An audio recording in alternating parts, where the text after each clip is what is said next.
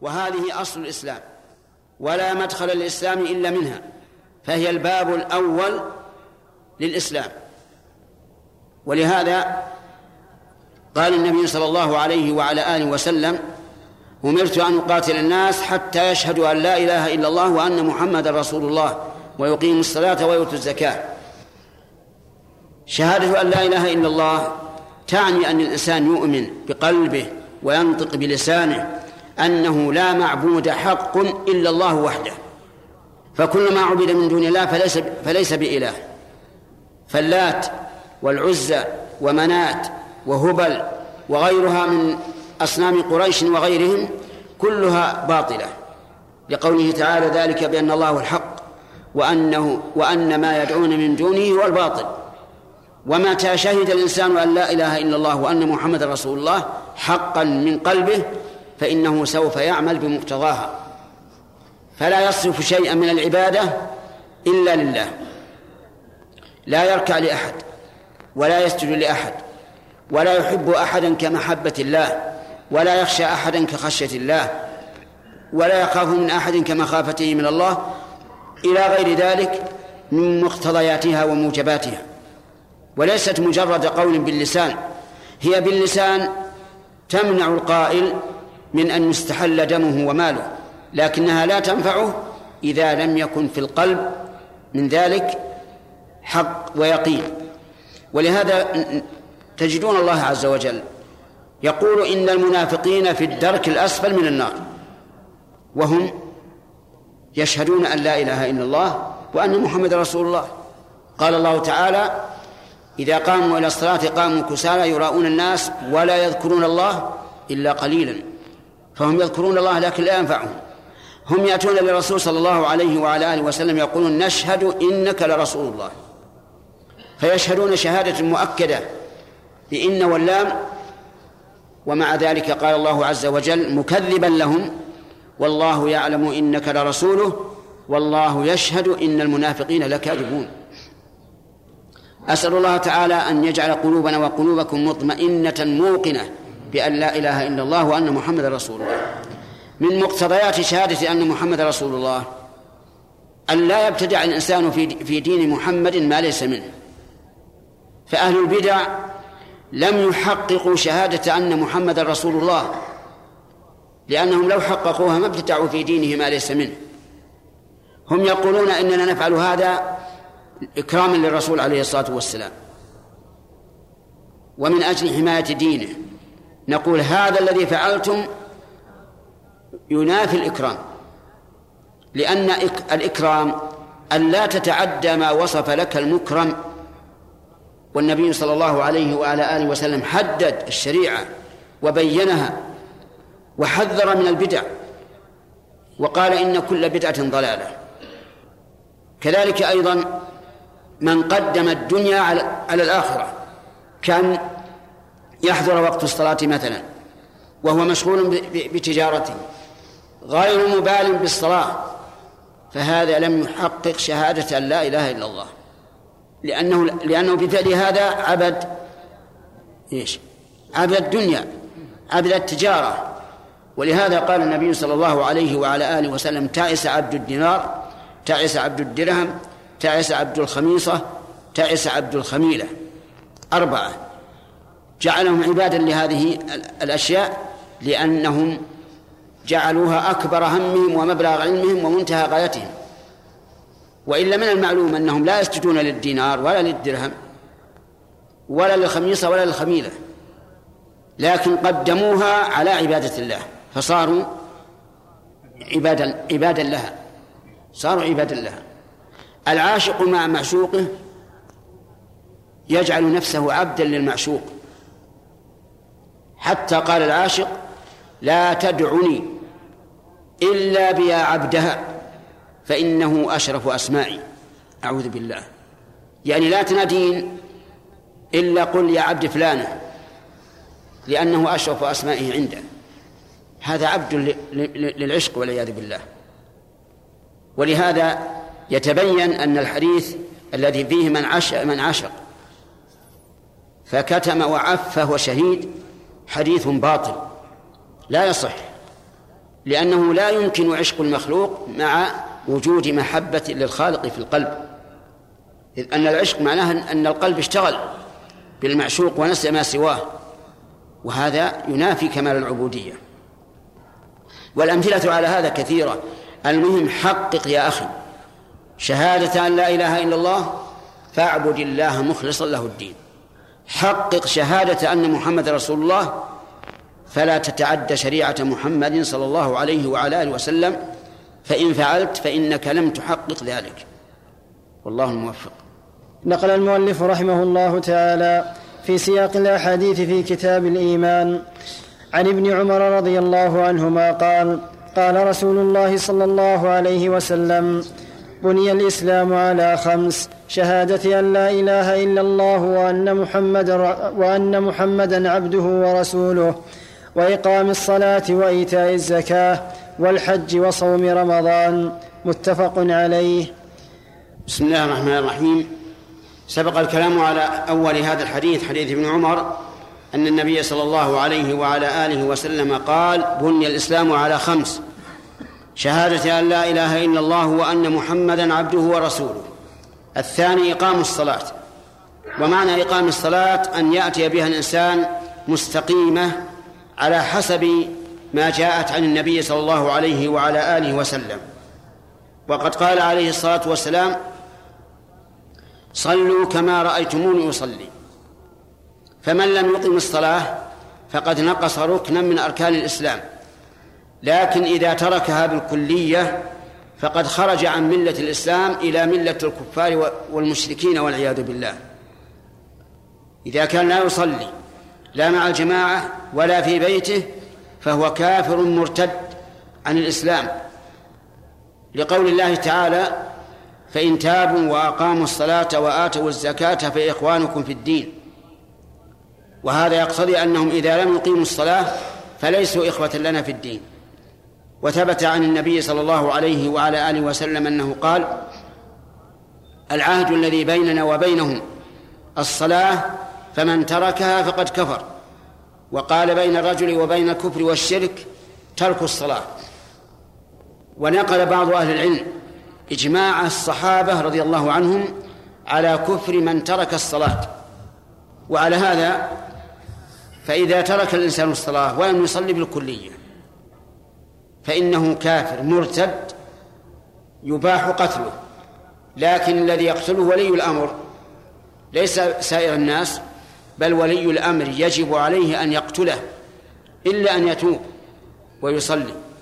وإذا قتل وهو تارك للصلاة فإنه لا يغسل ولا يكفل ولا يصلى عليه ولا يدفن في مقابر المسلمين وإنما يخرج به إلى البر ويحفر له حفرة لا قبر حفرة يرمس فيها رمسا كما ترمس الشاة إذا ماتت لئلا تؤذي الناس الناس برائحتها.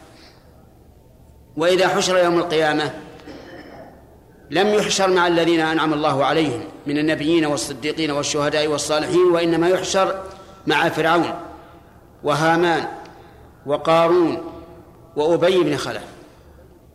هذا بالنسبة للأمور الدينية الشرعية. أما بالنسبة للأموال فإنه إذا ما إذا مات له قريب فإنه لا يرث منه. فلو مات إنسان عن ابنه الذي لا يصلي وابن عمه البعيد المسلم فالميراث لابن عمه البعيد وليس لابنه شيء. لماذا؟ لأنه كافر. حيث لا يصلي. وقد قال النبي صلى الله عليه وعلى آله وسلم لا يرث المسلم الكافر. فالكافر لا يمكن أن يرث المسلم. الكافر لا يرث المسلم والمسلم لا يرث الكافر. فإذا قال إنسان أليس ولده؟ قلنا نعم هو ولده لكنه لا يرث منه.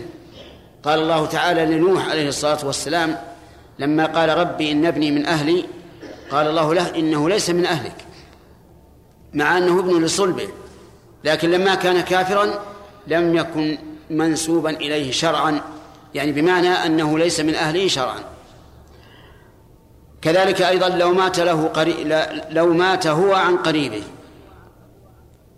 الرجل الذي لا يصلي مات وله أقارب فإنهم لا يرثونه بل يجعل بيت ماله في بيت المال. لأنه لا يرث المسلم الكافر. وقال بعض أهل العلم إن المرتد يرثه أقاربه المسلمون لأنه هو الذي خرج عن دينهم فيرثونه. وهذا اختيار شيخ الإسلام ابن تيمية لكنه ضعيف. لعموم قول النبي صلى الله عليه وعلى آله وسلم لا يرث المسلم الكافر ولا الكافر المسلم. إذا مات أيضا وهو لا يصلي حرم على أهله ومن يعرفه أن يترحم عليه أو يقول اللهم ارحمه اللهم اعف عنه اللهم اغفر له. يحرم عليه. لقول الله تعالى ما كان للنبي والذين آمنوا أن يستغفروا للمشركين ولو كانوا أولي قربى من بعد ما تبين لهم أنهم أصحاب الجحيم. كذلك إذا كان معه زوجة فإن الزوجة تحرم عليه. ويجب التفريق بينها وبينه. لأنه صار كافرا ولا يمكن للكافر أن أن تكون له زوجة مسلمة بل يجب التفريق بينه وبين زوجته. كذلك إذا كان له أولاد فإنه لا يحضنهم تسقط حضانته لأنه لا حضانة لكافر على مسلم. فالمهم أن هذه المسألة خطيرة جدا ومن كان له أحد لا يصلي. ومات وهو لا يصلي. حرم عليه أن يقدمه للمسلمين ليصلوا عليه. لأنه بذلك يكون غاشا لهم خادعا لهم. كيف يقدم من لا يص... من لا يستحق أن يصلى عليه إلى المسلمين ليصلوا عليه؟ بل يجب عليه أن يخرج به بسيارته إلى البر كما قلنا ويحفر له حفرة يرمسه فيها رمسا. ولا يقول إذا فرغ من دفنها اللهم اغفر له اللهم ثبته بل هذا حرام عليه يتركه وهو إلى ربه عز وجل. ولكن نعلم أن الكافرين كلهم في النار مخلدين فيها نسأل الله العافية. إقام الصلاة ركن من أركان الإسلام. أقمها في أوقاتها. لا تقدمها على الوقت ولا بدقيقة واحدة. ولا تؤخرها عن الوقت. أقمها بشروطها. توضأ. من الحدث الأصغر اغتسل من الجنابة. استر العورة. استقبل القبلة. أقمها بأركانها. كبر الإحرام وأنت قائم. اقرأ الفاتحة. اركع. اسجد. قم من من الركوع. قم من السجود. اجلس بين السجدتين. وهكذا. المهم أن هذا أمر يجب أن ننتبه له. وإذا رأينا أحدا من أهلنا في بيتنا لا يصلي فنصحناه وأبى ونصحناه وأبى ونصحناه وأبى فالواجب أن يرفع لولي الأمر حتى يقيم عليه ما يجب. نسأل الله أن يهدينا وإياكم ويصلح لنا ولكم النية والذرية والعمل إنه على كل شيء قدير. نقل المؤلف رحمه الله تعالى في سياق الأحاديث في كتاب الإيمان. عن ابن عمر رضي الله عنهما قال قال رسول الله صلى الله عليه وسلم بني الإسلام على خمس شهادة أن لا إله إلا الله وأن محمدا عبده ورسوله وإقام الصلاة وإيتاء الزكاة والحج وصوم رمضان. متفق عليه. بسم الله الرحمن الرحيم. سبق الكلام على جمل من هذا الحديث. انتهينا إلى قوله وإيتاء الزكاة. إيتاء الزكاة يعني إعطاءها مستحقها. والزكاة مفروضة على الأغنياء. لقول النبي صلى الله عليه وعلى آله وسلم وقد بعث معاذ إلى اليمن أعلمهم بأن الله افترض عليهم صدقة في أموالهم تؤخذ من أغنيائهم وترد على فقرائهم والغني في هذا الباب هو من ملك نصابا زكويا. والأموال الزكوية أصناف نذكر منها الذهب والفضة وعروض التجارة لأنها أكثر ما يكون تداولا في الحاضرة. الذهب والفضة تجب الزكاة فيهما بكل حال وعلى أي حال كانتا. سواء كانت دراهم ودنانير أو تبرا يعني قطع من الذهب أو من الفضة أو كانت حليا أو خواتم أو غير ذلك. كل ما يسمى ذهبا وفضة فإن فيه الزكاة إذا بلغ النصاب. والنصاب في الفضة خمسمائة وخمسة وتسعون مثقالا. نعم خمسمائة وخمسة وتسعون جراما. وأما في الذهب فهو خمسة وثمانون جراما. هذا هو النصاب. فمتى كان عند المرأة من الحلي ما يبلغ خمسة وثمانين جراما وجب عليها أن تزكيه. ومتى كان عند الإنسان من الفضة ما يزن خمسمائة وخمسة وتسعين جراما وجبت فيه الزكاة. والزكاة ربع العشر يعني واحد من أربعين. وإن شئت فقل اثنين ونصف في المئة خمسة وعشرين في الألف. اقسم ما عندك على أربعين فما خرج بالقسمة فهو الزكاة. جزء بسيط سهل ولله الحمد يكون به. الخلف العاجل من الله عز وجل والأجر والثواب ونفع إخوانك المسلمين وغير ذلك من المصالح العظيمة. وأما عروض التجارة فهي الأموال التجارية التي يتجر بها الإنسان من أواني أو فرش أو ثياب أو أراضي أو عقارات أو غيرها. كل ما أعده الإنسان للتجارة فإنه فيه الزكاة. ويسمى عروض تجارة لأنه معروض. صاحبه لا يريد أن يقتنيه وإنما يريد أن يتجر به. ففيه الزكاة. ولكن كيف يزكى؟ يقد تقدر قيمته عند وجوب الزكاة. بالذهب أو بالفضة لكن الأنفع للفقراء في وقتنا الحاضر أن يقدر بالفضة.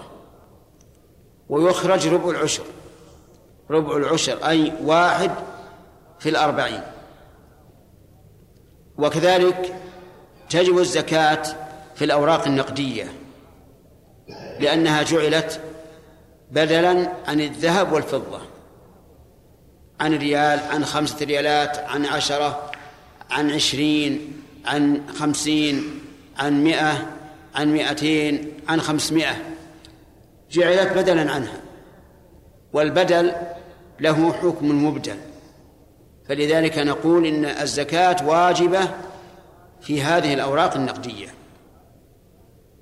يجب أن يزكيها إذا بلغت ما يساوي نصيب نصابا من الفضة. ومعلوم الآن أن الورق أرخص من الفضة.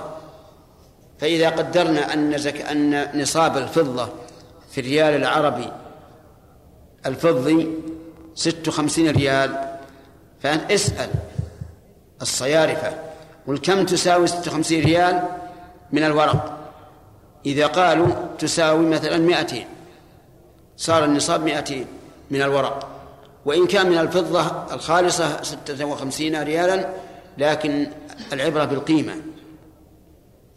ويجب أن تؤدى الزكاة إلى مستحقيها وسنفرد له إن شاء الله جلسة مستقلة غدا بحول الله وقوته. بسم الله الرحمن الرحيم. الحمد لله رب العالمين والصلاة والسلام على نبينا محمد وعلى آله وصحبه أجمعين. قال المصنف رحمه الله تعالى في في سياقه في في, في الأحاديث في كتاب الإيمان. وعن ابن عمر رضي الله عنهما قال قال رسول الله صلى الله عليه وسلم بني الإسلام على خمس. شهادة أن لا إله إلا الله وأن محمدا عبده ورسوله وإقام الصلاة وإيتاء الزكاة والحج وصوم رمضان. متفق عليه. وعن أبي هريرة الحمد لله رب العالمين وصلى الله وسلم على نبينا محمد وعلى آله وأصحابه أجمعين. سبق لنا في الدرس الماضي الكلام على قوله وإيتاء الزكاة. ووعدنا أننا سنذكر في هذا الدرس أهل الزكاة الذين يستحقونها. أهل الزكاة الذين يستحقونها تولى الله تبارك وتعالى بنفسه بيانهم فقال إنما الصدقات للفقراء والمساكين والعاملين عليها والمؤلفة قلوبهم وفي الرقاب والغارمين وفي سبيل الله وابن السبيل. فريضة من الله. يعني أن الله فرض علينا هذا فريضة أن نؤديها إلى هؤلاء. والله عليم حكيم. فهو عليم بمن يستحقها حكيم حيث وضعها تبارك وتعالى مواضعها. إنما تفيد الحصر وهو إثبات الحكم في المذكور ونفيه عما سواه. فقوله إنما الصدقات كقول القائل ما الصدقات إلا الفقراء. وعلى هذا فلا يجوز أن تصرف الزكاة في غير هذه الأصناف الثمانية. أولا الفقراء والمساكين وهؤلاء يعطون لحاجتهم. بيت فيه أهله لكنهم يحتاجون إلى طعام وشراب وكسوة وفرش وليس عندهم ما يقومون به. فنقول نعطي هؤلاء ما يحتاجون. والفقراء أشد حاجة من المساكين. لكن الكل لا ليس عندهم ما يكفيهم لمدة سنة. هكذا قرر أهل العلم رحمهم الله. والعاملين عليها هم اللجنة التي تقيمهم الدولة. للطواف على الناس أهل الأموال يأخذون منهم الزكاة ويصرفونها في مصارفها. أما الوكيل الخاص لشخص من الأغنياء مثلا فليس من العاملين عليها لأن قوله العاملين عليها يفيد أن هناك ولاية والوكيل لشخص معين ليس وليا إنما هو نائب فرد نائب عن فرد. لكن اللجنة التي تقيمها الدولة لجباية أموال الزكاة وتصريفها هم العاملون عليها ويعطون ما يقدر أجرة لهم. يعني معناه أننا إذا قدرنا أن هؤلاء إذا كانوا عاملين له لكل واحد في الشهر كذا وكذا نعطيهم من الزكاة هذا المقدار. وأما المؤلف قلوبهم فهم الذين يتألف يتألفهم المسلمون يتألفهم المسلمون على الإسلام.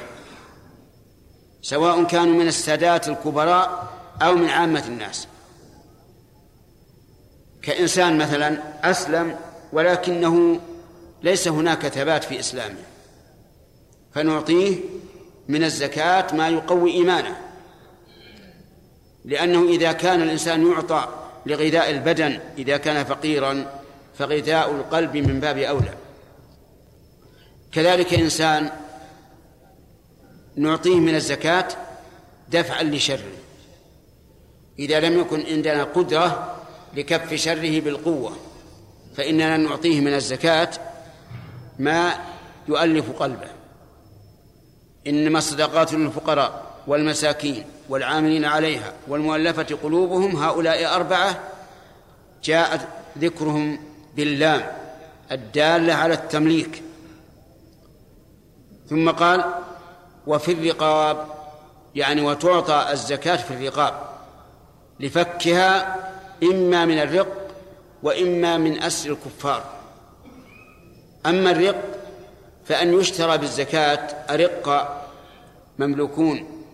ويعتقون من الزكاة. أو يكون هناك مكاتبون اشتروا أنفسهم من ساداتهم فيعطون ما ما يسددون به دين الكتابة.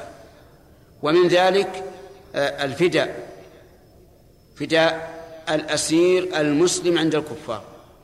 فإننا نفتيه من الزكاة. لما في ذلك من فك رقبته من الأسر. والغارمين هم المدينون. الذين عليهم ديون لا يستطيعون وفاءها فتوفى ديونهم من الزكاة. ثم إن كان المدين حريصا على فك رقبته من الدين وأمينا فإننا نعطيه هو بنفسه ويوفي.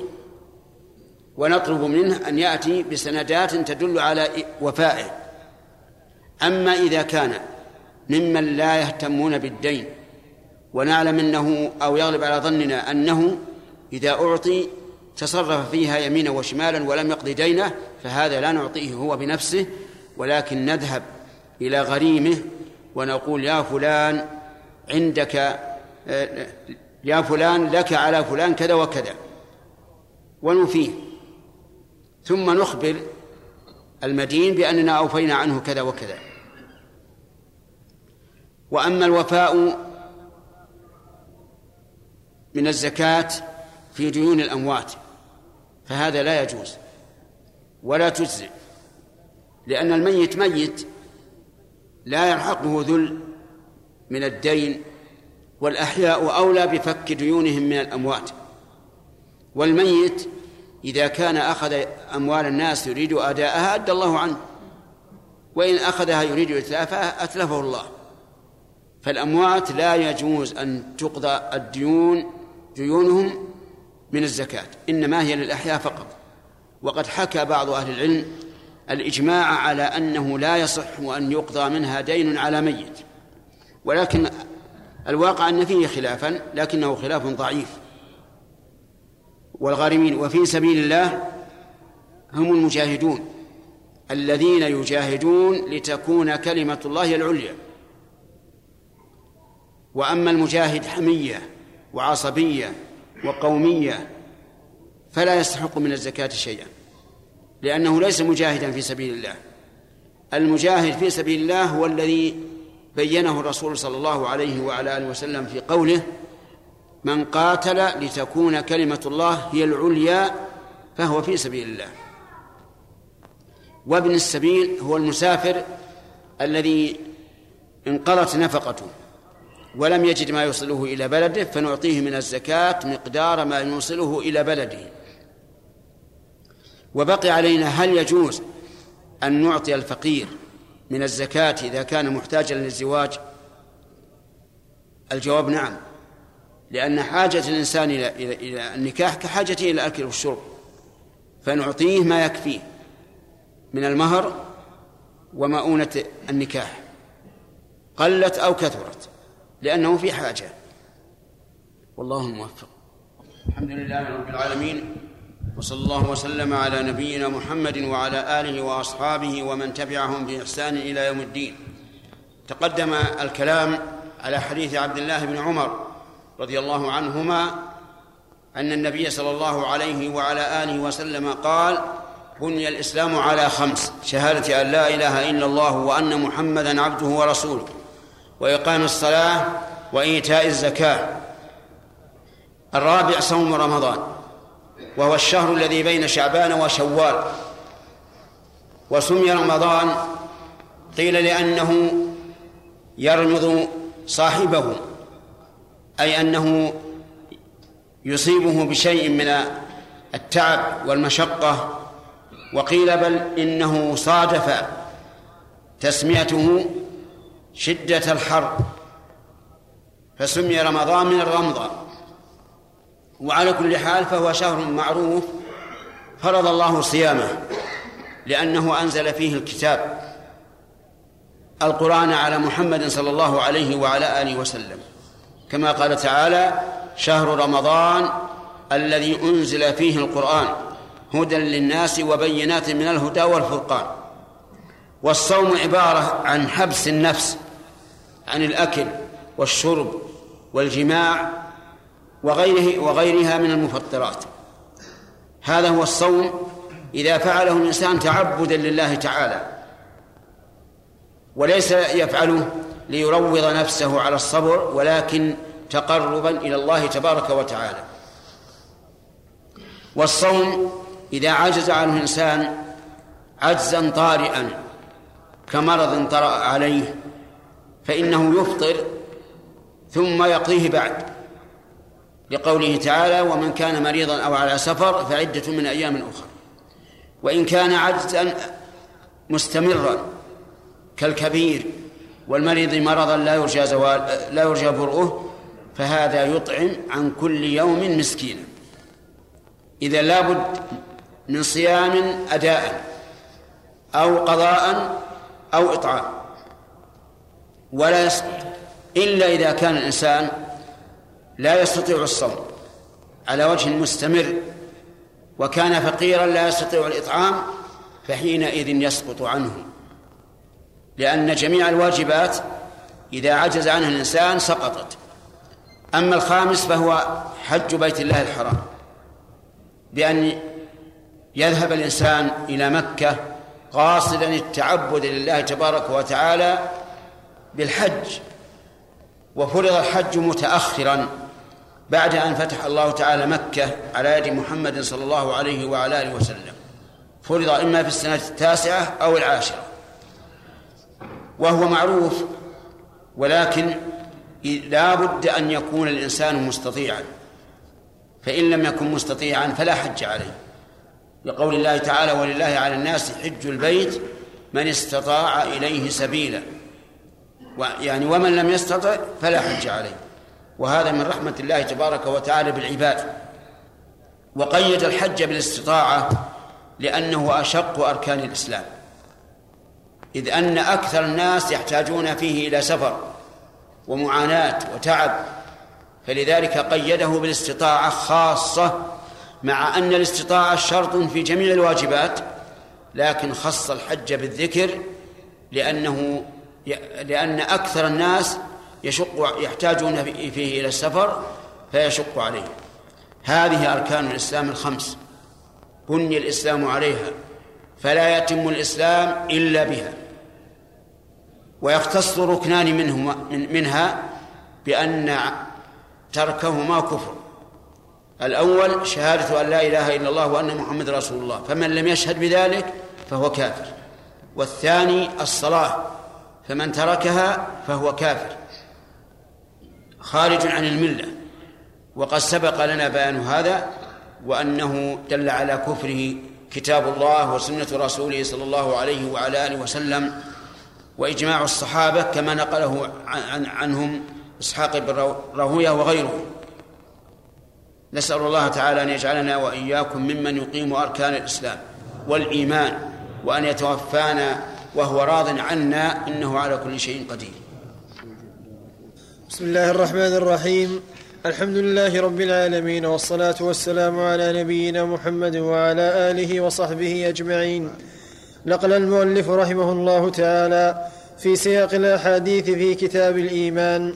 عن أبي هريرة رضي الله عنه قال قال رسول الله صلى الله عليه وسلم الإيمان بضع وسبعون شعبة فأفضلها قول لا إله إلا الله وأدناها إماطة الأذى عن الطريق والحياء شعبة من الإيمان. متفق عليه. بسم الله الرحمن الرحيم. الحمد لله رب العالمين وصلى الله وسلم على نبينا محمد وعلى آله وأصحابه أجمعين. هذا الحديث بين فيه الرسول صلى الله عليه وسلم أن الإيمان عند الإطلاق. ثلاث وسبعون شعبة. أعلاها قول لا إله إلا الله وأدناها إماطة الأذى عن الطريق. وأما إذا قرن بالإسلام فقد سبق في حديث عمر بن الخطاب رضي الله عنه أن النبي صلى الله عليه وعلى آله وسلم لما سأله جبريل عن الإيمان قال أن تؤمن بالله وملائكته وكتبه ورسله واليوم الآخر والقدر خيره وشره.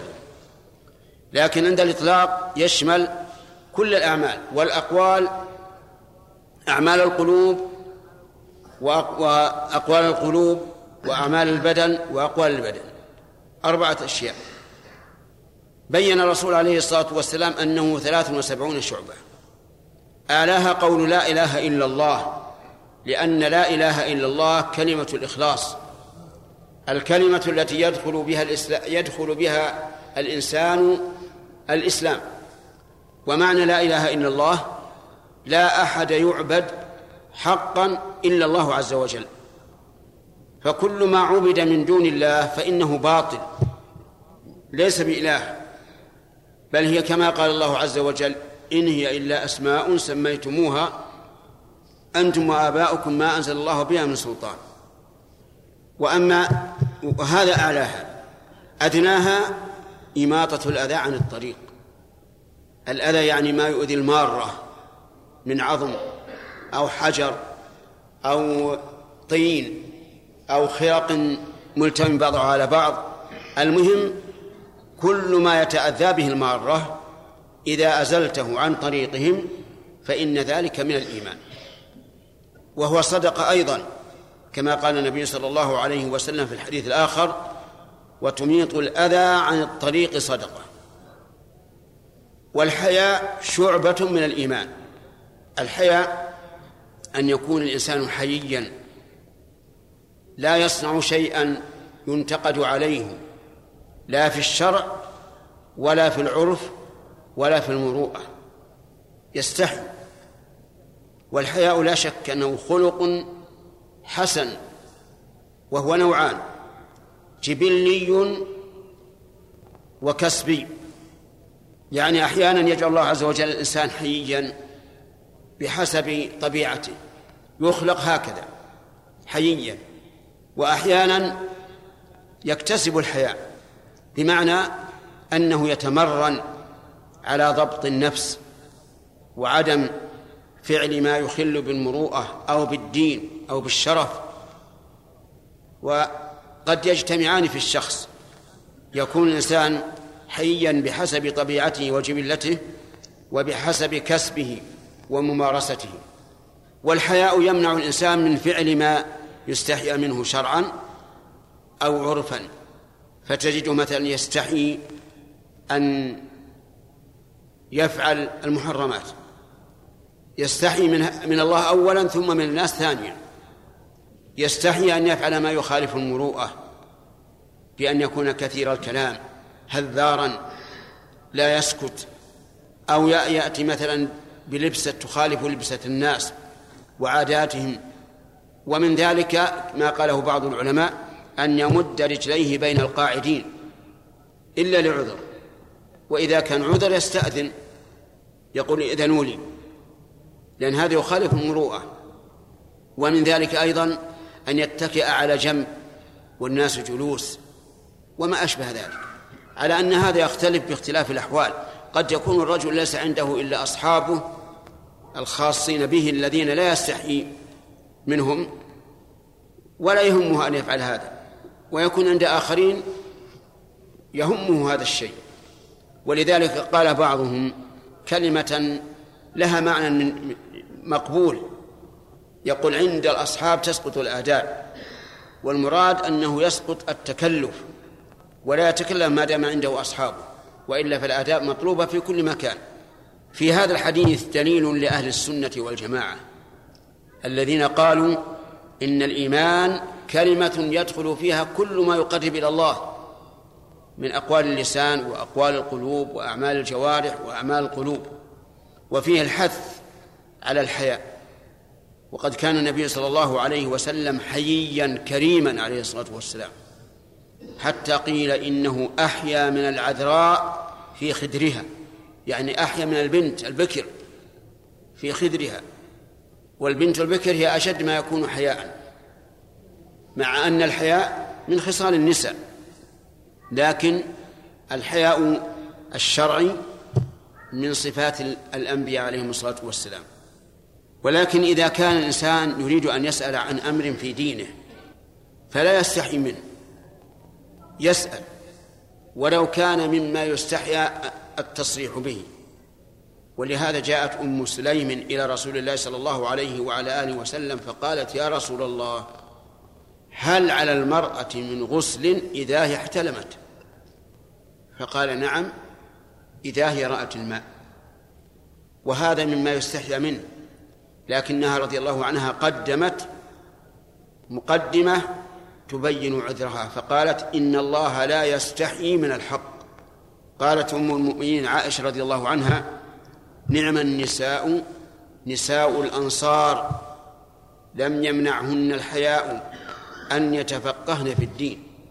فمسألة الدين لا تستحي منها. ولكن الشيء العادي الذي يستحي منه تجنبه وقد ثبت عن النبي صلى الله عليه وعلى آله وسلم أنه قال إن مما أدرك الناس من كلام النبوة الأولى إذا لم تستحي فاصنع ما شئت. يعني إذا أردت أن تفعل فعلا لا يستحي منه فافعله. وإلا فاترك. وقيل المعنى أن الإنسان الذي لا يستحي يفعل ما يشاء ولا يبالي. وكلا المعنيين صحيح. والله الموفق عن عبد الله بن عمرو رضي الله عنهما قال قال رسول الله صلى الله عليه وسلم المسلم من سلم المسلمون من لسانه ويده والمهاجر من هجر ما نهى الله عنه. هذا لفظ البخاري ولمسلم قال إن رجلا سأل النبي صلى الله عليه وسلم أي المسلمين خير؟ قال من سلم المسلمون من لسانه ويده. قال رحمه الله تعالى وعن عبد الله بن عمر رضي الله عنهما أن النبي صلى الله عليه وعلى آله وسلم قال المسلم من سلم المسلمون من لسانه ويده. والمهاجر من هجر ما نهى الله عنه. قوله عليه الصلاة والسلام المسلم يعني المسلم حقا الكامل الإسلام. هو الذي سلم المسلمون من لسانه ومن يده.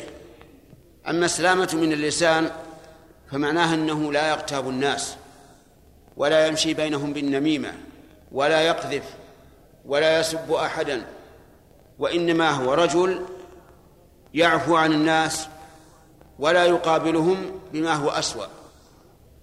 وأما المهاجر وأما السلام من اليد فمعناه أنه لا يضرب الناس.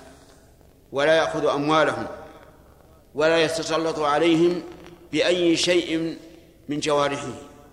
حتى لو ركل لو ركل ركن ركل أحدا برجله فإنه كما لو ضربه بيده. ويكون ذكر اليد هنا على سبيل الأغلبية. فالمهم أن من سلم الناس منه من قو من أقواله وأفعاله فهو المسلم حقا. وهو الذي قال عنه في رواية مسلم إنه خير خير الناس أو خير المسلمين. أما المهاجر فمن هجر ما نهى الله عنه. الهجر يعني الترك. فالمهاجر الكامل الهجرة هو الذي هجر ما نهى الله عنه. والهجرة من بلد الكفر إلى إلى بلد الشرك تدخل من بلد الكفر إلى بلد الإسلام تدخل في هذا. لأنه هجر ما نهى الله عنه وهو المكث بين ظهر بين ظهران الكفار. فكل من هجر ما نهى الله عنه فهو مهاجر. لكن الهجرة الخاصة هي الخروج من بلد الكفر إلى بلد الإسلام. ففي هذا الحديث الحث على أن يسلم الإنسان من لسان الناس من لسانك ويدك. لا تعتدي على الناس بقول ولا بفعل وفيه الحث على ترك محارم الله عز وجل والبعد عنها فإن ذلك من الهجرة. نسأل الله لنا ولكم السلام والعافية. وعنه قال قال رسول الله صلى الله عليه وسلم ثلاث من كن فيه وجد بهن حلاوة الإيمان من كان الله ورسوله أحب إليه مما سواهما. ومن أحب عبدا لا يحبه إلا لله ومن يكره أن يعود في الكفر بعد أن أنقذه الله منه كما يكره أن يلقى في النار. متفق عليه. بسم الله الرحمن الرحيم. قال المؤلف رحمه الله تعالى فيما ساقه من من الأحاديث في كتاب الإيمان. عن أنس بن مالك رضي الله عنه أن النبي صلى الله عليه وسلم قال لا يؤمن أحدكم حتى أكون أحب إليه من من ولده ووالده والناس أجمعين. لا يؤمن يعني الإيمان الكامل. حتى أكون أحب إليه من ولده. الذكور والإناث. يعني أحب إليه من أبنائه وبناته وأبناء أبنائه وأبناء بناته ووالده. الوالد هنا بمعنى الأم والأب. والناس أجمعين وهذا عام يشمل حتى نفسه نفس الإنسان. فلا يمكن أن يتم الإيمان حتى يكون الرسول صلى الله عليه وعلى آله وسلم أحب إليك من نفسك وولدك أولادك الذكور والإناث ووالدك الأم والأب وجميع الناس. محبة راسخة في القلب تظهر آثارها على أعمالك وعلامة ذلك أن أن يقدم ما يحبه الرسول صلى الله عليه وسلم على ما تحبه نفسه. هذه العلامة. كما قال الله تعالى قل إن كنتم تحبون الله فاتبعوني يحببكم الله. وإلا فمحل المحبة القلب ولا يعلم بها. لكن إذا رأيت الإنسان حريصا على سنة النبي صلى الله عليه وعلى آله وسلم مقدما لها على كل شيء. ورأيته إذا دعته نفسه إلى شيء مخالف لسنة الرسول صلى الله عليه وعلى آله وسلم فاعلم أنه يحب الرسول. لأن العادة أن المحب يكون تابعا للمحبوب. هذه العادة حتى إنه أي المحبوب لا يملك قلب المحب ويكون دائما على قلبه على ذكره على لسانه. ومن علامة محبة الرسول عليه الصلاة والسلام أن لا يشرع الإنسان في دين الرسول ما ليس منه. فإن شرع في دين الله ما ليس ما ليس منه فهو فهو كاذب في دعواه المحبة غير صادق. وعلى هذا فالمبتدعة الذين يبتدعون صلوات على الرسول عليه الصلاة والسلام معينة يترنمون بها ويسجعون بها ويقيدونها في أماكن معينة أو أيام معينة هؤلاء ليسوا محبين للرسول. لأنه لو أحبوه حقيقة ما ابتدعوا في دينه ما ليس منه. لأن البدعة تعني أن الدين ناقص وأنه يحتاج إلى تكميل. وتعني خروج الإنسان عن عن شريعة الرسول عليه الصلاة والسلام بقدر ما ابتدع. والبدع أنواع بعضها مفسق وبعضها مكفر. ومن ذلك أولئك القوم الذين يقيمون احتفالا لمولد الرسول صلى الله عليه وسلم. ويدعون أنهم يحبونه. نقول لو أحببتم الرسول حقا لاتبعتم شريعته. ولما خرجتم عن هديه وهدي أصحابه رضي الله عنهم. فهل أنتم أشد حبا للرسول من أبي بكر؟ سيقولون لا. فإن قالوا نعم فقد أعلنوا على على أنفسهم بالسفة. وإن قالوا لا قلنا لماذا لم يقم أبو بكر لميلاد الرسول صلى الله عليه وسلم عيدا؟ هل أنتم أحب هل أنتم أشد حبا للرسول صلى الله عليه وسلم من عمر من عثمان من علي من الصحابة؟ لا. إذن لماذا؟ إن بدعة الميلاد لم تحدث إلا في القرن الرابع بعد ما مضى ثلاثمائة سنة على الهجرة. حدثت هذه البدعة وتطورت والحقيقة أنها تدهورت لأنها بلغت إلى حد يجعلون الرسول عليه الصلاة والسلام ندا لله وشريكا له حتى كان قائلهم يترنم بقول الشاعر يا أكرم الخلق ما لي من ألوذ به سواك عند حدوث عند حلول الحادث العمم. ما لي من ألوذ به سواك. طيب وين أين الله؟ ما هو الله موجود؟ هذا يقول ما لأحد ألوذ به إذا حدث الحدث العام إلا أنت يا رسول الله. نسأل الله العافية. إن لم تكن آخذا يوم المعاد يدي عفوا وإلا فقل يا زلة القدم. فإن من جودك الدنيا وضرتها. الدنيا معروفة. ضرتها الآخرة. من جود الرسول. ومن علومك علم اللوح والقلم. ماذا بقي لله؟ إذا كانت الدنيا والآخرة من جود الرسول صلى الله عليه وعلى آله وسلم ما بقي شيء للرسول لله؟ إذا كان من علومه علم اللوح والقلم من علومه هناك علوم فوق ذلك. أين قول الله تعالى للرسول قل لا أقول لكم عندي خزائن الله ولا أعلم ولا أعلم الغيب يترنمون بها ويدعون أنهم يتقربون إلى الله بذلك. وأن هذه علامة محبة الرسول عليه الصلاة والسلام. ووالله ثم والله ثم والله إن هذا لدليل على بعدهم عن سنته. هو عليه الصلاة والسلام لما قال له رجل ما شاء الله وشئت ماذا قال؟ قال أجعلتني لله ندا بل ما شاء الله وحده. ولما قال بعضهم اذهبوا بنا نستغيث برسول الله صلى الله عليه وسلم من هذا المنافق لمنافق كان يؤذيهم قال إنه لا يستغاث بي وإنما يستغاث بالله عز وجل.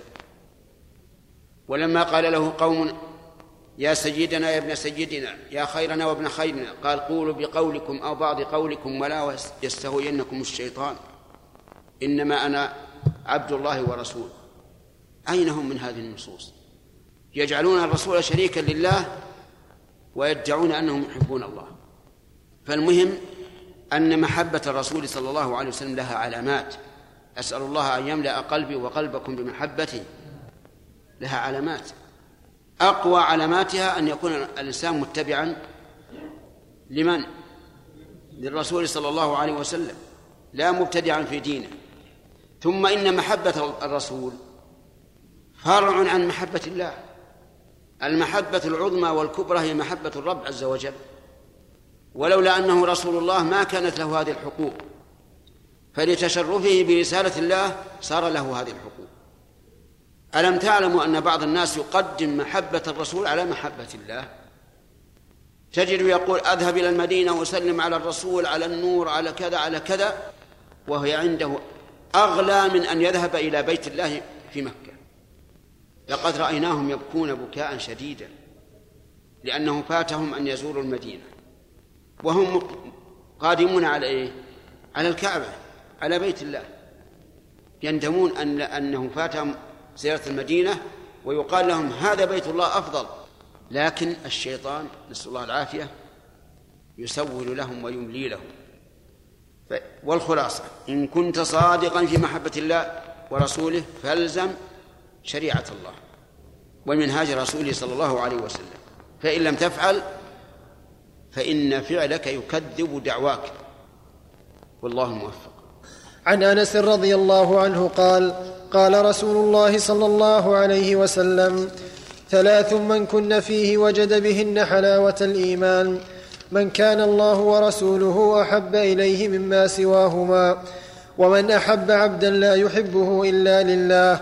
ومن يكره أن يعود في الكفر بعد أن أنقذه الله منه كما يكره أن يلقى في النار. متفق عليه.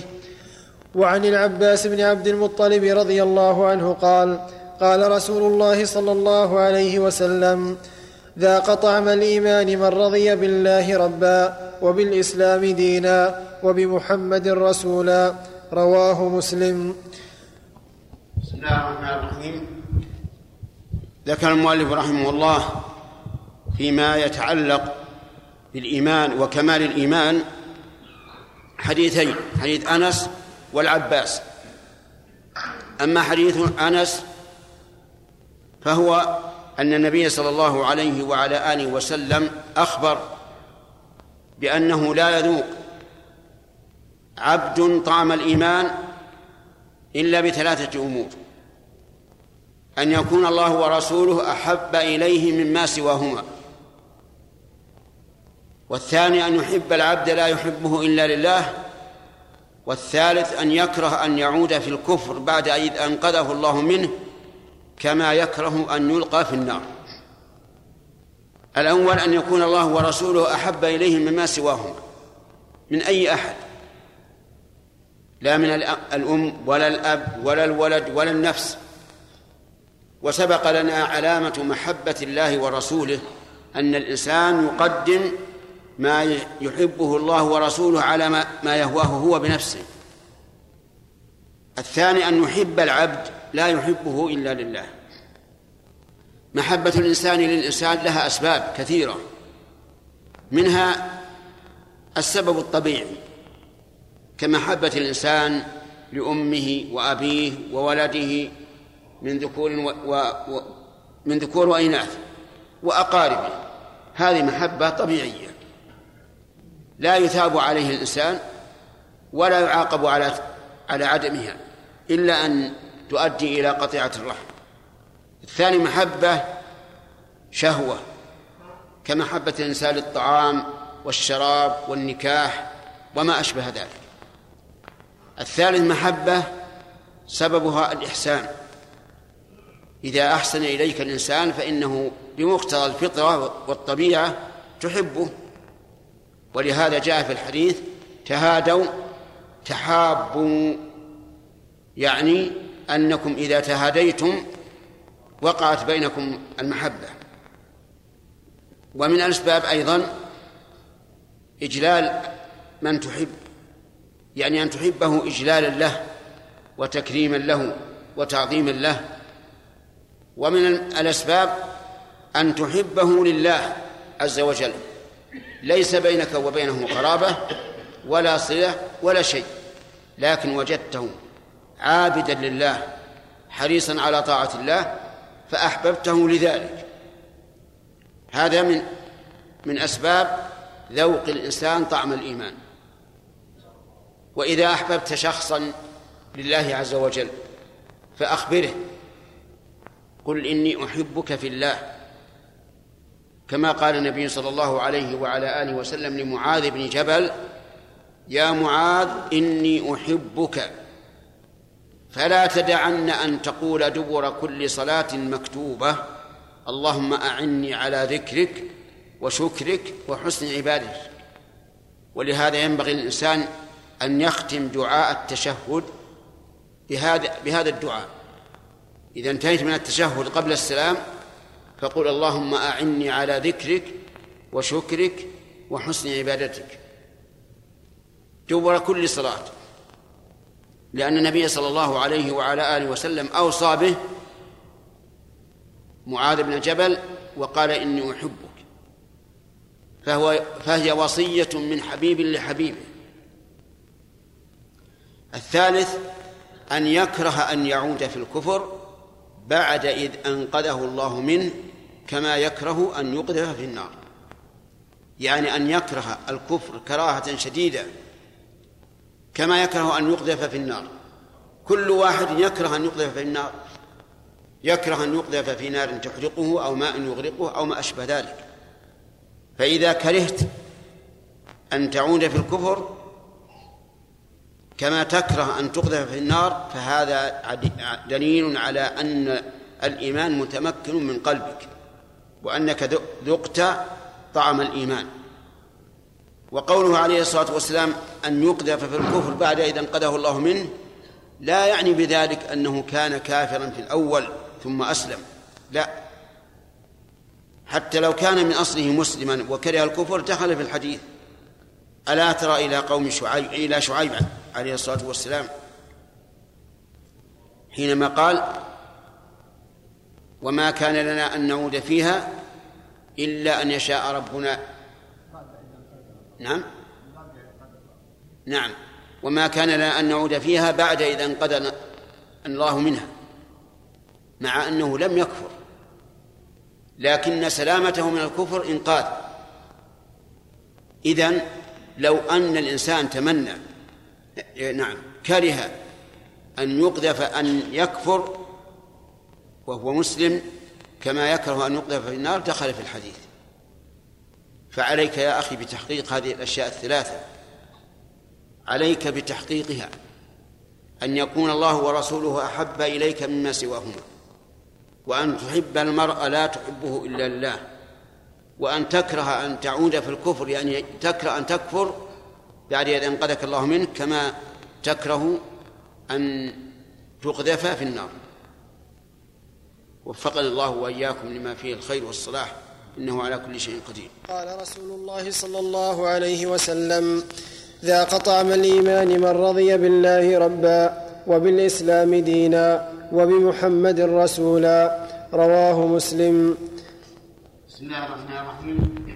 قال رحمه الله تعالى فيما نقله عن العباس بن عبد المطلب عم النبي صلى الله عليه وعلى آله وسلم أن النبي صلى الله عليه وسلم قال ذاق طعم الإيمان من رضي بالله ربا وبالإسلام دينا وبمحمد صلى الله عليه وسلم نبيا. ذاق طعم الإيمان هذا هذا الطعم طعم معنوي يجده الإنسان في قلبه يجد لذة عظيمة وحلاوة عظيمة. لو وزنت بها الدنيا لوزنتها. حتى إن بعضهم قال إذا كان أهل الجنة في مثل هذا النعيم كفى.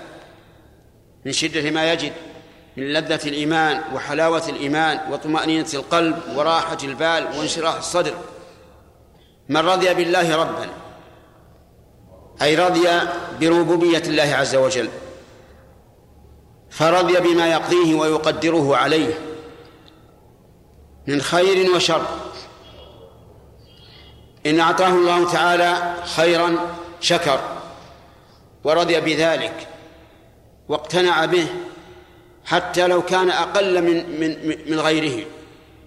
ينظر إلى التجار أصحاب أصحاب الملايين وهو عنده مئات فيرضى بالله.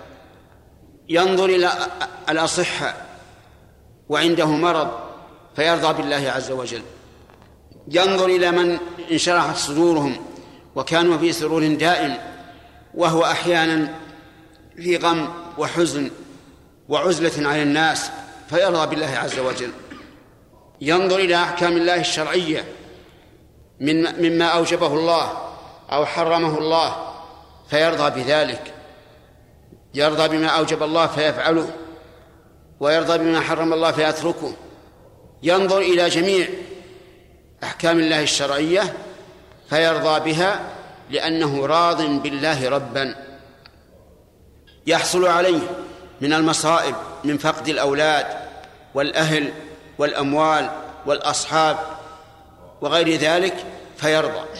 يقول هذا تقدير الله والله تعالى ربي وأنا عبده يفعل بما يشاء عز وجل فيرضى بهذا. إذا رضي بها بالله ربا. الثاني بالإسلام دينا لا يقبل سوى الإسلام وهو ما جاء به الرسول صلى الله عليه وعلى آله وسلم يدين الله به فلا يبتدع في دين الله ولا يأتي بشيء بشريعة سوى شريعة الله ولا يحكم بغير شريعة الله ويرضى كذلك بمحمد صلى الله عليه وسلم رسولا. يرضى به رسولا فلا يتبع غيره ولا يأخذ بشريعة غير شريعته ويعلم أنه صادق فيما يقول عليه الصلاة والسلام. وأن لا وأن ما حكم به فهو حق من وجوب أو تحريم أو إباحة أو غير ذلك. فإذا تم للإنسان هذه الأمور الثلاثة فسيجد حلاوة الإيمان. حلاوة لا يشبهها حلاوة السكر ولا العسل بل هي أعظم وأعظم وأجل. فيا أخي ارضى بالله ربا استسلم لأمره. استسلم لقضائه. استسلم لشرعه. اشرح صدرا بما وقع عليك من الله عز وجل. ارضى بالإسلام دينا. لا تقبل دينا سواه. لا في العبادات ولا في المعاملات ولا في الأخلاق. كذلك بمحمد صلى الله عليه وسلم رسولا. صدقه فيما أخبر افعل ما به أمر اترك ما عنه نهى وزجر وبذلك تذوق طعم الإيمان. أسأل الله أن يحقق لي ولكم هذا بمنه وكرمه إنه على كل شيء قدير. واعلم أن من آمن من عمل صالحا من ذكر أو أنثى وهو مؤمن فقد وعده الله تعالى بأن يحييه حياة طيبة. هذا في الدنيا. حياة طيبة إن أعطي شكر وإن أذنب استغفر وإن ابتلي صبر متمشي مع قضاء الله وقدره لا يحزن على ما فات ولا يخاف من المستقبل هذه الحياة الطيبة. الثاني قال ولا نجزي أنهم أجرهم بأحسن ما كانوا يعملون. يعني بأحسن جزاء لعمل يعملونه. الحسنة بعشر أمثالها. إلى سبعمائة ضعف إلى أضعاف كثيرة. كل الناس يسعون ليحيوا حياة طيبة ولكن لا يجدون حياة طيبة إلا بهذين الأمرين الإيمان والعمل الصالح. حتى إن بعض السلف قال لو يعلم الملوك وأبناء الملوك ما نحن فيه لجالدونا عليه بالسيوف. لأن الملوك وأبناء الملوك وإن أترفوا في الدنيا من قصور ومراكب والملابس وغير ذلك فليس في قلوبهم مثل ما في قلوب من آمن وعمل صالحا. لكن إذا اجتمع للملوك الإيمان والعمل الصالح ونعيم الآخرة كان ذلك حسنا. إنما الذي يضمن للإنسان الحياة الطيبة والجزاء الحسن هو هذان الأمران الإيمان والعمل الصالح. والله الموفق. نقل المؤلف رحمه الله تعالى في سياق الأحاديث في كتاب الإيمان. عن أبي هريرة رضي الله عنه قال قال رسول الله صلى الله عليه وسلم والذي نفس محمد بيده لا يسمع بي أحد من هذه الأمة يهودي ولا نصراني ثم يموت ولم يؤمن بالذي أرسلت به إلا كان من أصحاب النار. رواه مسلم. بسم الله الرحمن الرحيم. قال المؤلف رحمه الله تعالى فيما نقله في كتاب الإيمان فيما ثبت عن النبي صلى الله عليه وعلى آله وسلم أنه قال والذي نفس محمد بيده. لا يسمع بي أحد من هذه الأمة يهودي ولا نصراني ثم لا يؤمن بما بالذي أرسلت به إلا كان من أصحاب النار. أقسم صلى الله عليه وعلى آله وسلم بالله عز وجل الذي أنفس عباده بيده إن شاء أرسلها وإن شاء توفاها. كما قال الله تعالى الله يتوفى الأنفس حين موتها هذا قسم. والتي لم تمت في منامها يتوفاها. فيمسك التي قضى عليها الموت ويرسل الأخرى إلى أجل مسمى. فأقسم صلى الله عليه وسلم بالذي نفسه بيده أنه لا يسمع به أحد من هذه الأمة يعني أمة الدعوة.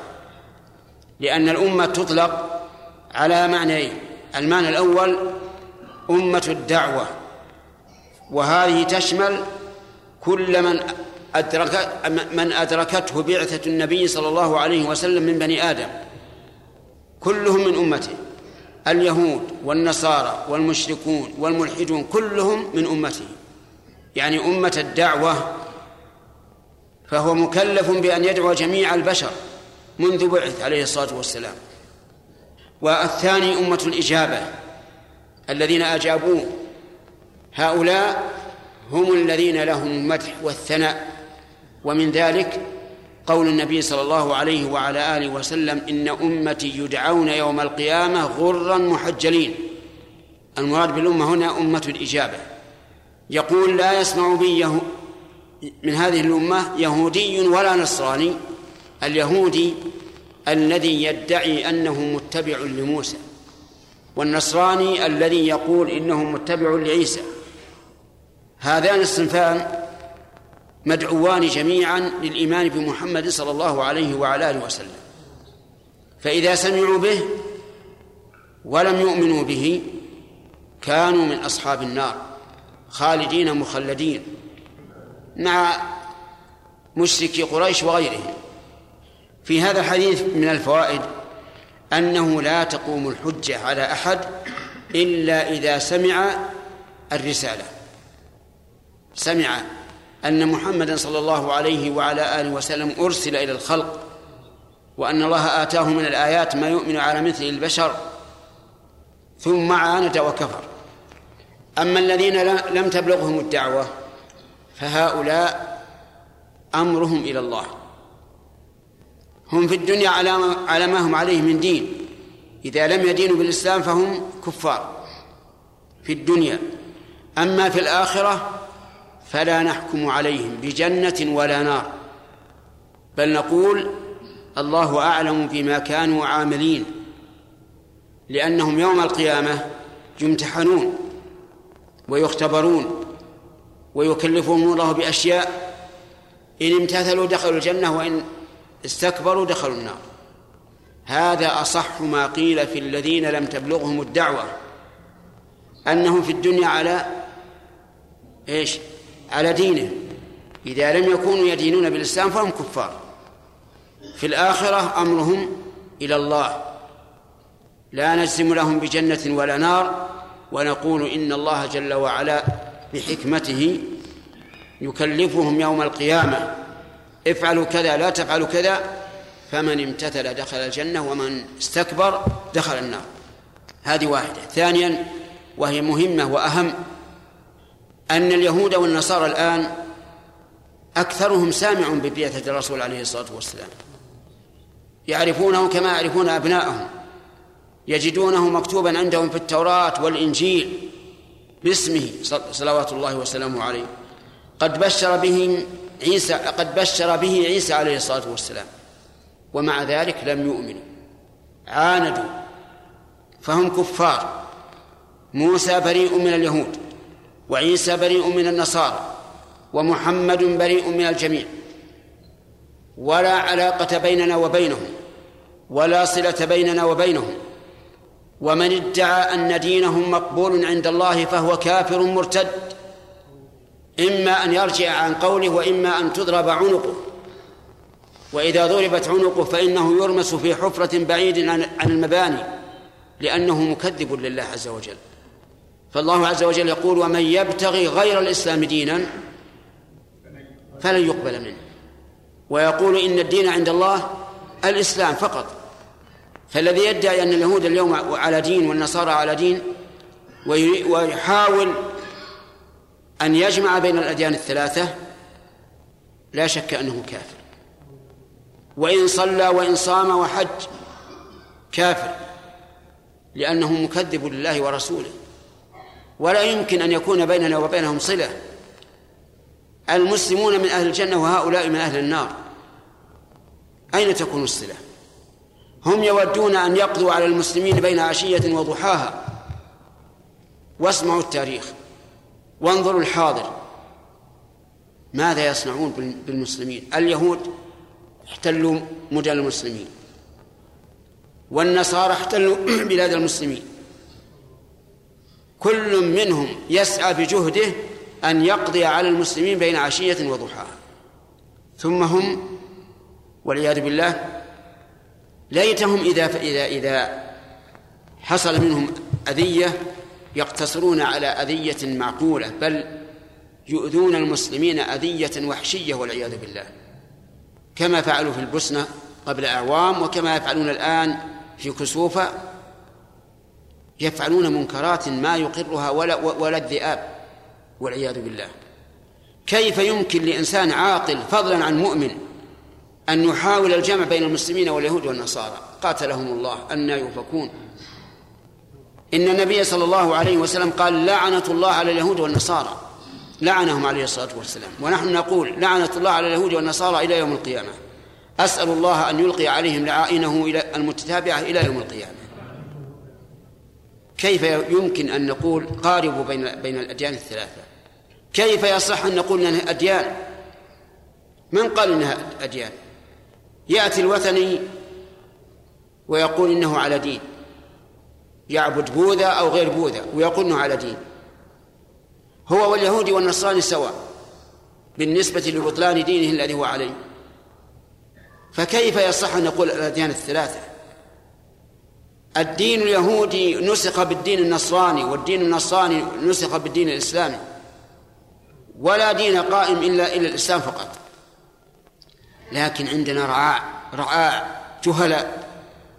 بهرهم ما كان عليه اليهود والنصارى من القوة المادية التي أرجو الله تعالى أن تكون تدميرا عليهم. ثم صاروا يداهنونهم. وقد قال الله تعالى ودوا لو تدهن فيدهنون أهل الأديان أهل الأديان أنت مسيحي. أنت عبري. سبحان الله مسيحي. والله لو يخرج عيسى ليقاتلنهم. وسيخرج في آخر الزمان ويقاتلهم. يكسر الخنزير. يكسر الصليب ويقتل الخنزير ولا يقبل إلا الإسلام في آخر الزمان. فكيف يجوز أن ننسبهم إليه؟ وهذه من البلاوي. تجد حتى المسلمين يعطون يعطون جواز سفر أو إقامة الدين مسيحي. لا إله إلا الله. كيف نقول مسيحي والمسيحي بريء منه؟ ما لم يأتي لفظ المسيحي إلا بعد أن استعمر النصارى بلاد المسلمين. فأرادوا أن يلطفوا الجو قليلا وقالوا إنهم مسيحيون وإلا فكانوا يعرفون باليهود والنصارى. في أي كتاب؟ في أي كتاب؟ في القرآن الكريم في السنة النبوية في كلام الصحابة في كلام التابعين في كلام العلماء. إلى أن جاءت قرون الاستعمار فأرادوا أن يصطبغوا بصوغ الدين فسموا أنفسهم مسيحيين فطافت على المسلمين. وصاروا مسيحيين مسيحيين. والله إن المسيح بريء منهم. ولئن خرج ليقاتلنهم. إذا نحن نبرأ منهم ومن اليهود ومن كل دين يخالف الإسلام. هذه عقيدة. ما هي هينة؟ ليست من من الشرائع اليسيرة.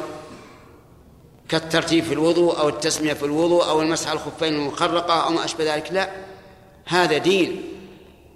يجب أن نعتقد أن دينهم باطل أنهم عليه اليوم وأنهم من أصحاب النار كما قال نبينا عليه الصلاة والسلام. ما دام سمعوا بمحمد عليه الصلاة والسلام وهم يسمعون بها الآن الإذاعات ما خلت شيء. الدين الإسلامي بلغ مشارق الأرض ومغاربها. لا يخفى على أحد. فهم من أصحاب النار كما شهد بذلك وحكم به النبي صلى الله عليه وسلم ونحن نشهد بالله أنهم من أصحاب النار. وأن من مات منهم يهوديا أو نصرانيا فهو من أهل النار المخلدين فيها. فلا تغتروا عباد الله بما لوث هؤلاء الصحف بما كتبوا من سوادهم الذي سود وجوههم. بمحاولة التقريب بين الأديان. ما في تقريب. إما أن يسلموا أو يعطوا الجزية عن يد وهم صاغرون أو نقاتلهم. ما في غير هذا. نعم المسلمون اليوم مع الأسف الشديد كما وصفهم نبيهم عليه الصلاة والسلام غثاء كغداء السيل كثرة بلا فائدة. بلا تناصر بل يخذل بعضهم بعضا. فلذلك لا يمكن الآن الجهاد. لا نقول لا يمكن شرعا لا يمكن واقعا لأن المسلمين أنفسهم متخاذلون. من منهم نصب راية الجهاد لنقاتل الصرب في كسوفة أو الصرب في في البوسنة؟ من منهم رفع راية الجهاد؟ ما منهم أحد. من منهم رفع راية الجهاد لنقاتل اليهود؟ من منهم؟ لا أحد. ما في أحد. متخاذلون. ثم إذا رأيت إذا فكرت وجدت أن الإنسان لم يجاهد نفسه نفسه ما جاهد عن المعاصي. شرب خمور وزنا ولواط ودعارة وربا وغش وخداع. وإرهاب. ما فيه خلق الإسلام. فأين من أين يأتي النصر؟ نسأل الله تعالى أن يعيد إلى هذه الأمة عزها ومجدها بأن تنصر الله فينصرها إنه على كل شيء قدير. والله موفق. الحمد لله رب العالمين والصلاة والسلام على نبينا محمد وعلى آله وصحبه أجمعين. قال المؤلف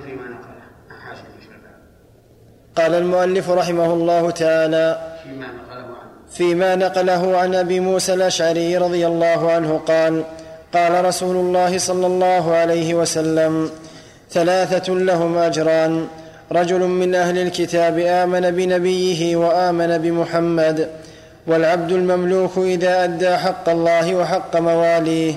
ورجل كانت عنده أمة يطأها فأدبها فأحسن تأديبها.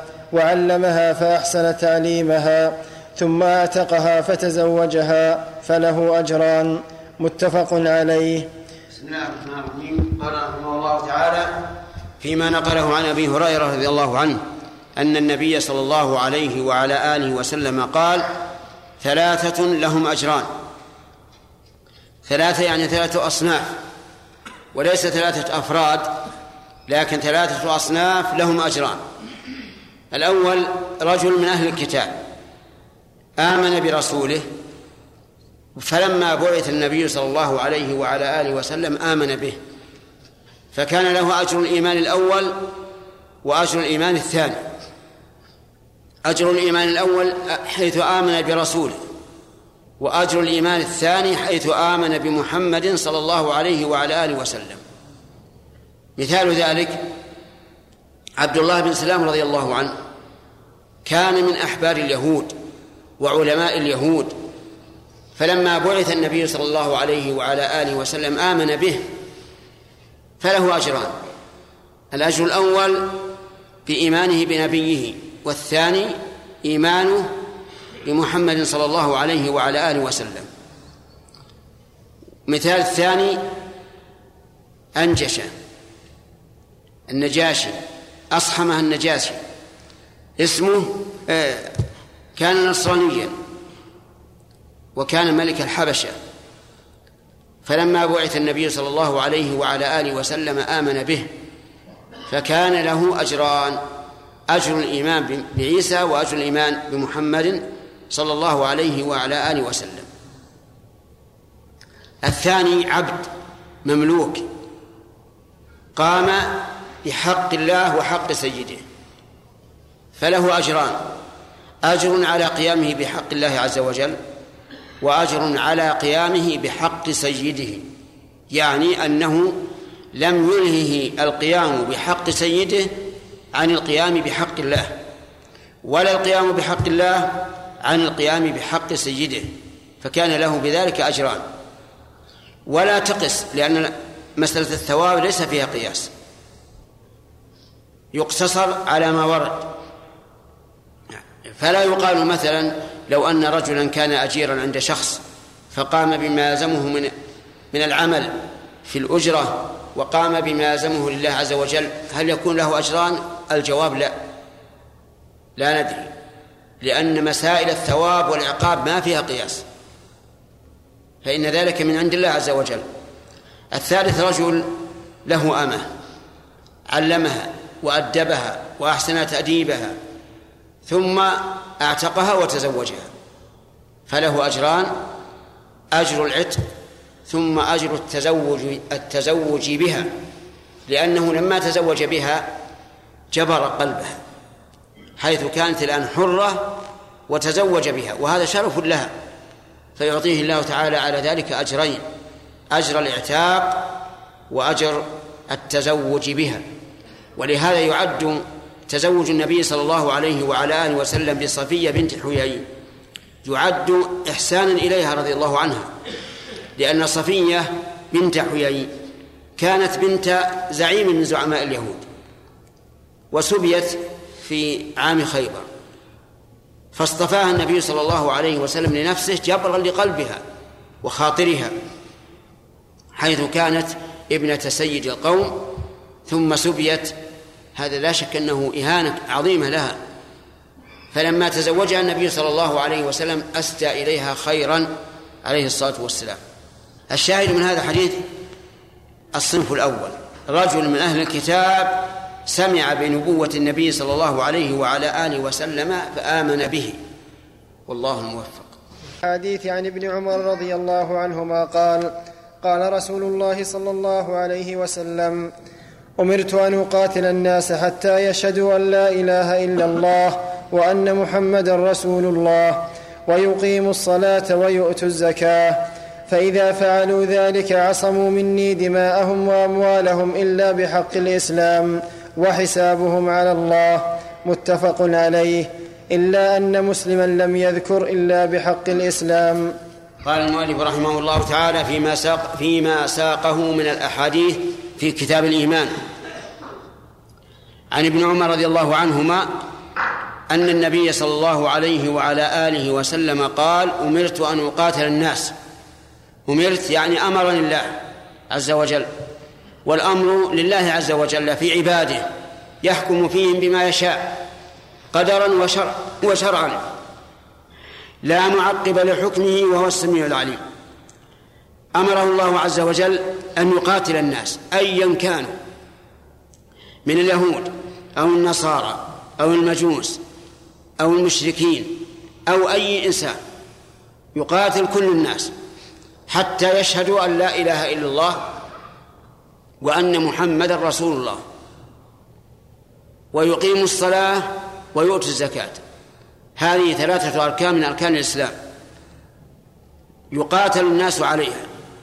ولهذا قاتل أبو بكر رضي الله عنه الذين امتنعوا عن أداء الزكاة وقال إن الزكاة حق المال. فإذا